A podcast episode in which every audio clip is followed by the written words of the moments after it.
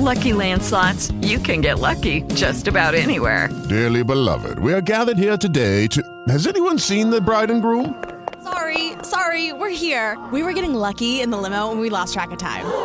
No, Lucky Land Casino, with cash prizes that add up quicker than a guest registry.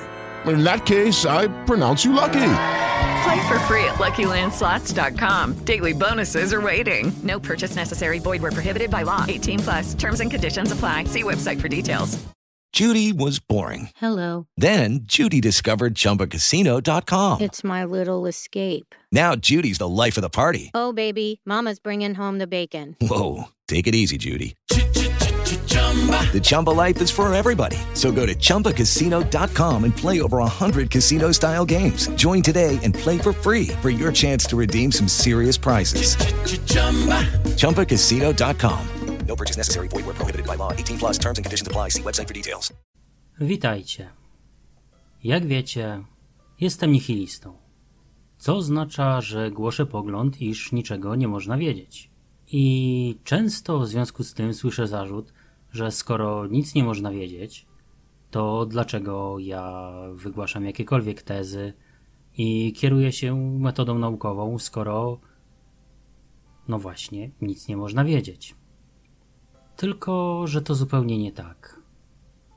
I w tym filmie chciałbym wyjaśnić, dlaczego metoda naukowa jest e, tak dobrym sposobem na weryfikowanie swojej wiedzy, mimo że niczego właśnie nie można wiedzieć, i dlaczego nauka jest nihilistyczna i nie twierdzi, że cokolwiek wie. Zapraszam.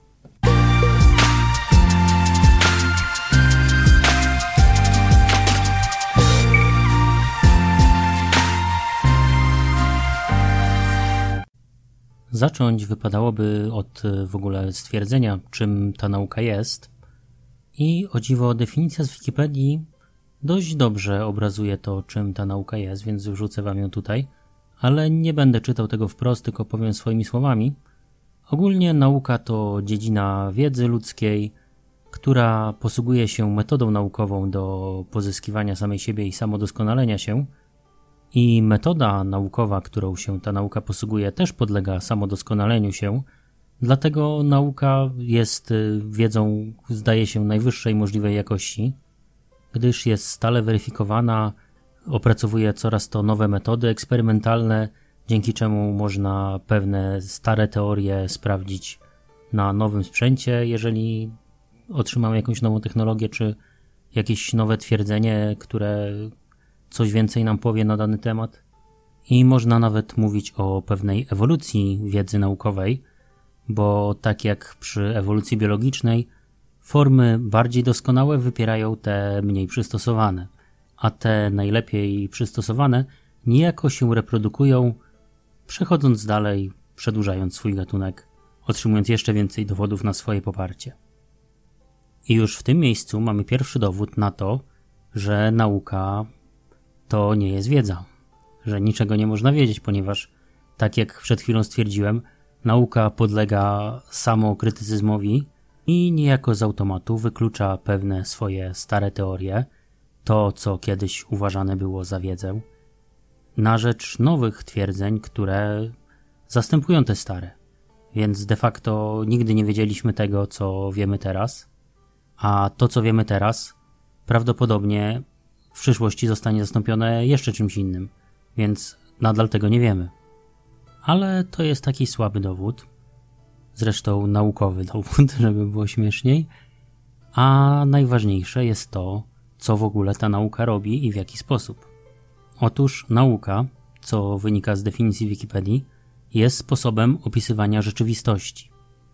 A dokładniej nawet nie rzeczywistości jako takiej, a poszczególnych zależności występujących pomiędzy różnymi zjawiskami w tej rzeczywistości, odbieranymi za pomocą zmysłów ludzkich oraz wszelkich urządzeń pomiarowych, jakie człowiek kiedykolwiek zdołał wyprodukować. Ale przez to nie odpowiada na te najważniejsze pytania. Skąd się wzięliśmy, skąd pochodzi życie, jak powstał wszechświat? Tutaj są tylko teorie. O właśnie, kwestia słowa teoria bo to nie jest tak, jak to się potocznie mówi, że a to tylko teoria, to nic istotnego. No, w nauce teoria ma trochę inne znaczenie. Jest to zbiór powiązanych wzajemnie ze sobą hipotez, tylko że jest jeden haczyk, o którym wiele osób zapomina. Bo ludzie mówią, że no, teoria naukowa to coś wielkiego. No tak, tylko że jest to, tak jak powiedziałem, zbiór wzajemnie powiązanych hipotez, coś bardzo rozbudowanego, ale jeszcze nie znaczy, że to jest prawda. Teoria musi podlegać falsyfikacji. Każda z hipotez danej teorii musi podlegać falsyfikacji, czyli możliwości sprawdzenia.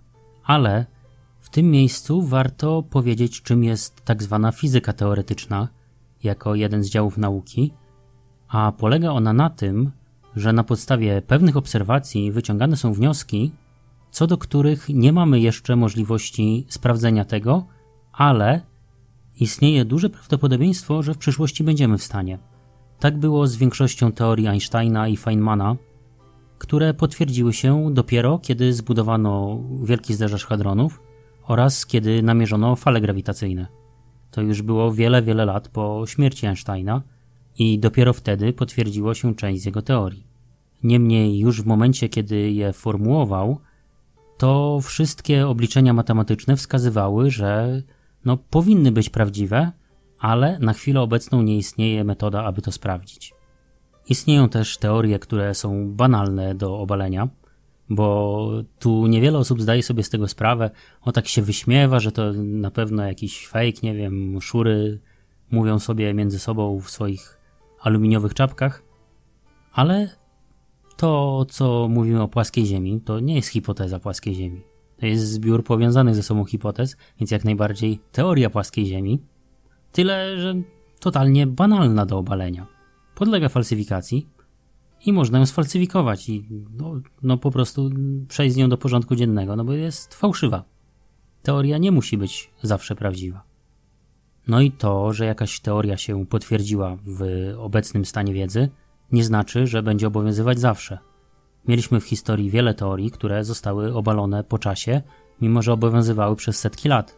Choćby teoria heliocentryczna, która zastąpiła teorię geocentryczną, która obowiązywała przez długi czas i nawet było wiele sposobów na to, jak opisać ruchy planet, które no, w momencie, kiedy Ziemia miała być w środku Układu Słonecznego, znaczy wtedy to się pewnie nazywał Układ Słoneczny, no bo jakiś układ ziemski, nie wiem, nie znam terminologii z średniowiecza. W każdym razie no, były różne sposoby na opisanie tego, jak te planety się poruszają względem Ziemi, żeby odpowiadało to ich ruchowi na niebie. I dopiero Kopernik stwierdził, że no, to jest dość prosty ruch, jeżeli tylko umieścić wewnątrz nie Ziemię, a Słońce. Swoją drogą taka ciekawostka, bo pewnie uczyli was w szkole i słyszeliście wszędzie, że planety w Układzie Słonecznym poruszają się po elipsach. No, okazuje się, że to nie do końca są elipsy. Te tory ruchu, które wykonują planety, są nazywane krzywymi stożkowymi.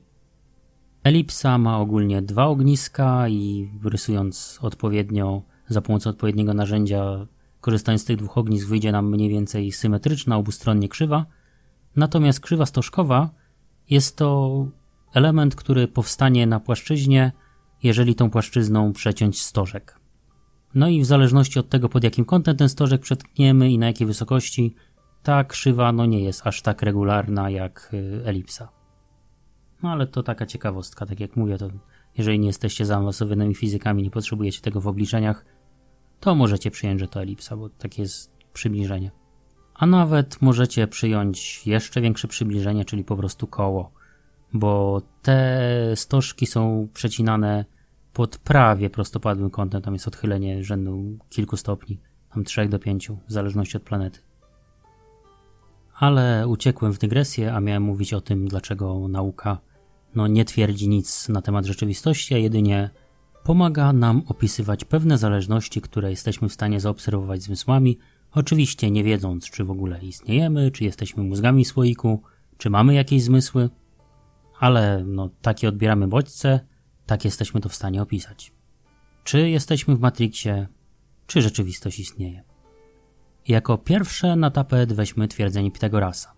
W oryginale brzmiało ono troszeczkę inaczej, ale zazwyczaj przyjmuje się skróconą formę która brzmi: Jeżeli trójkąt jest prostokątny, to suma kwadratów długości przyprostokątnych tego trójkąta jest równa kwadratowi jego przeciwprostokątnej. W oryginale, tak jak mówiłem, brzmiało to trochę inaczej, mniej więcej tak. Dla trójkąta prostokątnego suma pól kwadratów zbudowanych na przyprostokątnych tego trójkąta jest równa polu kwadratu zbudowanego na jego przeciwprostokątnej. Tylko oczywiście było to zapisane starożytną Greką, ale nie proście mnie o cytowanie. I co nam mówi to stwierdzenie? Mówi nam coś o tym, że w rzeczywistości występują trójkąty? No nie, ono mówi nam, że jeżeli trójkąt jest prostokątny, to zachodzą w nim pewne zależności. Nawet mówi konkretnie w treści twierdzenia, jeżeli trójkąt jest prostokątny. Używa tych słów. Żeby nie było wątpliwości, z czym mamy do czynienia. No to teraz trzecia zasada dynamiki Newtona. Jeżeli ciało A działa na ciało B pewną siłą F, to ciało B działa na ciało A siłą F' równą co do wartości i o tym samym kierunku, ale o przeciwnym zwrocie. No i tu już na pierwszy rzut oka widać. Pierwsze słowo trzeciej zasady dynamiki to jeżeli. Czyli mamy warunek, tak to działa, jeżeli mamy dwa ciała i działają na siebie siłami, no to te siły się odwzajemniają. Nic nam to nie mówi o naturze tych ciał, czy one istnieją, nie wiemy nic na temat całego tego schematu. Wiemy tylko, że jeżeli ciało A działa na ciało B pewną siłą, no to ciało B działa na ciało A siłą o tej samej wartości i kierunku, ale o przeciwnym zwrocie. Czyli nie dowiedzieliśmy się kompletnie niczego, ale wiemy, jak opisywać rzeczywistość. No i może jeszcze jedno prawo powszechnego ciążenia. Każde dwa obiekty posiadające masę działają na siebie siłą grawitacji proporcjonalną do iloczynu tych mas i odwrotnie proporcjonalną do kwadratu odległości pomiędzy nimi. Tu to nie dowiadujemy się zupełnie niczego, no zupełnie niczym w jeszcze większym stopniu, bo całe twierdzenie jest bardzo warunkowe. Tu nie ma tak jak w twierdzeniu Pitagorasa, że możemy sobie obliczyć pewne długości na podstawie danych szczątkowych. Tu wszystko jest totalnie warunkowe. Wiemy tylko, co zwiększa tą siłę, co zmniejsza, czyli stosunki mas powodują zwiększenie, bo jest do nich proporcjonalna ta siła, natomiast zwiększenie odległości, dokładnie kwadratu tej odległości, powoduje, że ta siła maleje. Oczywiście potem, po sformułowaniu tego prawa, właśnie prawa, to jest najwyższa możliwa półka, jeżeli chodzi o poziom nauki, już lepiej niż prawo się nie da. I po sformułowaniu tego prawa w XVII wieku, no potem doszły do niego udoskonalenia, ten wzór stał się dokładny, dostał swoją stałą, można obliczyć konkretną wartość, podstawiając w odpowiednich jednostkach, chociaż obecnie tam weszło jeszcze trochę udziwnień z powodów y, kwantowych, że tak powiem, no ale nie wchodźmy w to. Wzór się przyjmuje w taki sposób, jaki jest. Przy masach, że tak powiem, nieatomowych sprawdza się w zupełności, a raczej nie interesuje nas z, z jaką siłą, nie wiem, Słońce przyciąga atom helu, a bardziej Ziemię, więc można używać tego wzoru w tej formie. Ale ponownie, no, najwyższa półka wiedzy naukowej, prawo fizyki, nie mówi nam zupełnie nic o rzeczywistości. W innej wersji to mówi się o dwa punkty materialne posiadające masę, no ale nie mówi nam nic o tym, co to jest punkt. Choć, no, matematyka jakoś to definiuje, to powiedzmy, że jeszcze to mówi, ale nie mówi nam nic o tym, co to znaczy materialne, co to jest ta materia, jak powstała, skąd się wzięła, no, co to jest rzeczywistość, czy istniejemy, czy jesteśmy tylko w Matrixie. Ponownie niczego się nie dowiadujemy metodą naukową. Ale, no właśnie, tu trzeba postawić wielkie ale.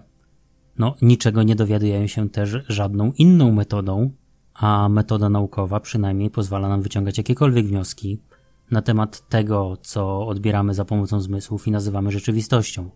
No bo jakiejś nazwy trzeba użyć. Bo wszystkie nazwy i słowa, które do Was mówię, to też jest rzecz umowna. Gdzieś tam w rozwoju ludzkości powstawał język, zresztą cały czas ewoluuje, cały czas powstaje, ciągle powstają nowe słowa. Choćby z takich aktualnych, no to hajzerować na przykład. Jeszcze parę lat temu czegoś takiego nie było. A z kolei dzisiaj wymarło słowo szczytnik, bo szczytnik to był średniowieczny wytwórca tarcz. No dzisiaj raczej się tarcz nie produkuje, więc i szczytników nie ma. I tu też rodzi się odpowiedź na pytanie, które zadałem na wstępie. Dlaczego ja, jako nihilista, posługuję się tą metodą naukową? Bo no właśnie, nie ma żadnej lepszej, a jakoś trzeba funkcjonować. Pytań naprawdę ważnych po prostu nie zadaję, bo na nie nie da się odpowiedzieć, a jakieś takie sprawy bardzo przyziemne, codzienne mogę rozwiązać za pomocą metody naukowej, czy też argumentować za pomocą logiki.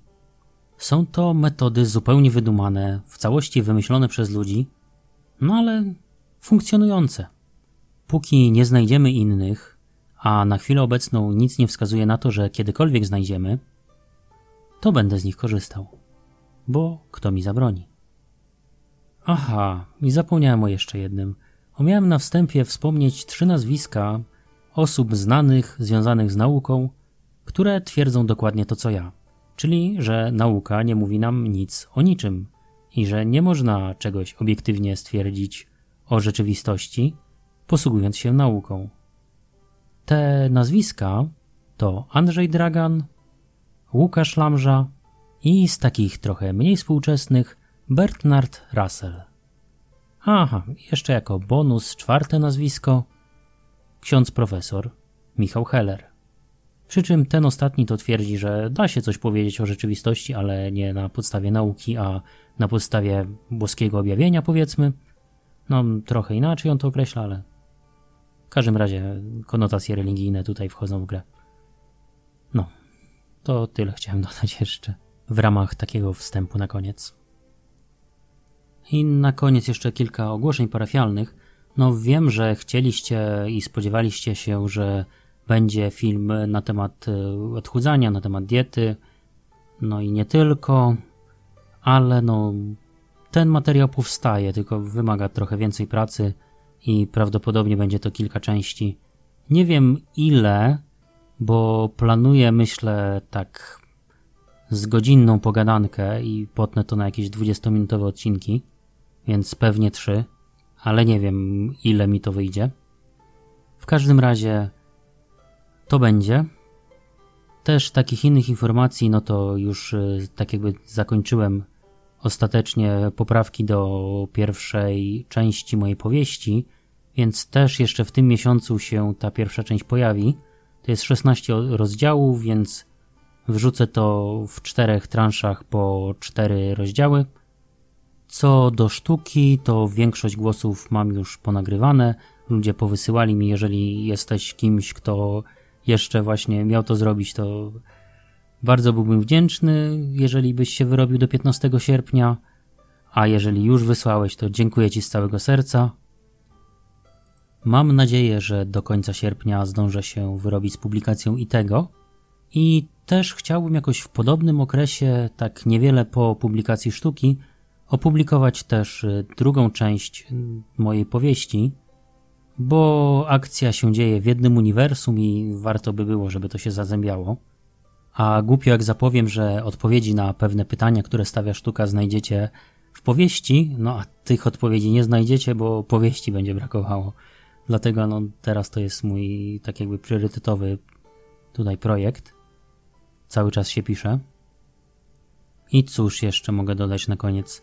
Pisaliście mi w komentarzach, że bardzo się Wam podoba mój kanał, że chcielibyście, żeby on się rozwijał.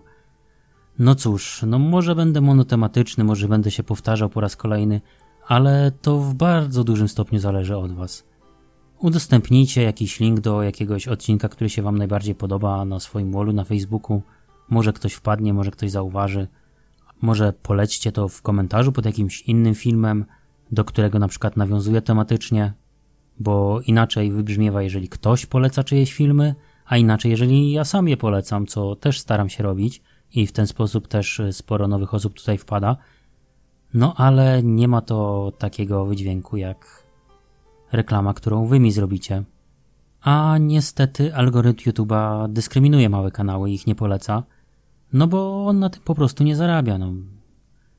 Biznes jest biznes.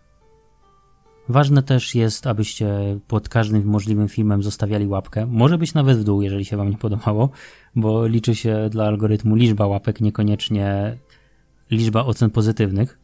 Więc tu dzięki fani, którzy przyszli z kanału Karionera i mi złapkowali w dół poprzedni materiał. Dzięki temu ma on bardzo dużo wyświetleń i bardzo dużo łapek. Co podbiło nie tylko statystyki tego filmu, ale też podbiło mi oglądalność na innych filmach, bo dużo osób zostało i obejrzało coś innego niż tylko ten jeden materiał. Więc no, chcieliście mnie pewnie schejtować, a zrobiliście dla mnie dobrą robotę. Dobra, bo już zaczynam gadać od rzeczy. Trzymajcie się serdecznie, miłego wieczoru czy dnia, bo pewnie zanim to zmontuję już będzie po północy i obejrzycie to jutro rano. Trzymajcie się. Do usłyszenia.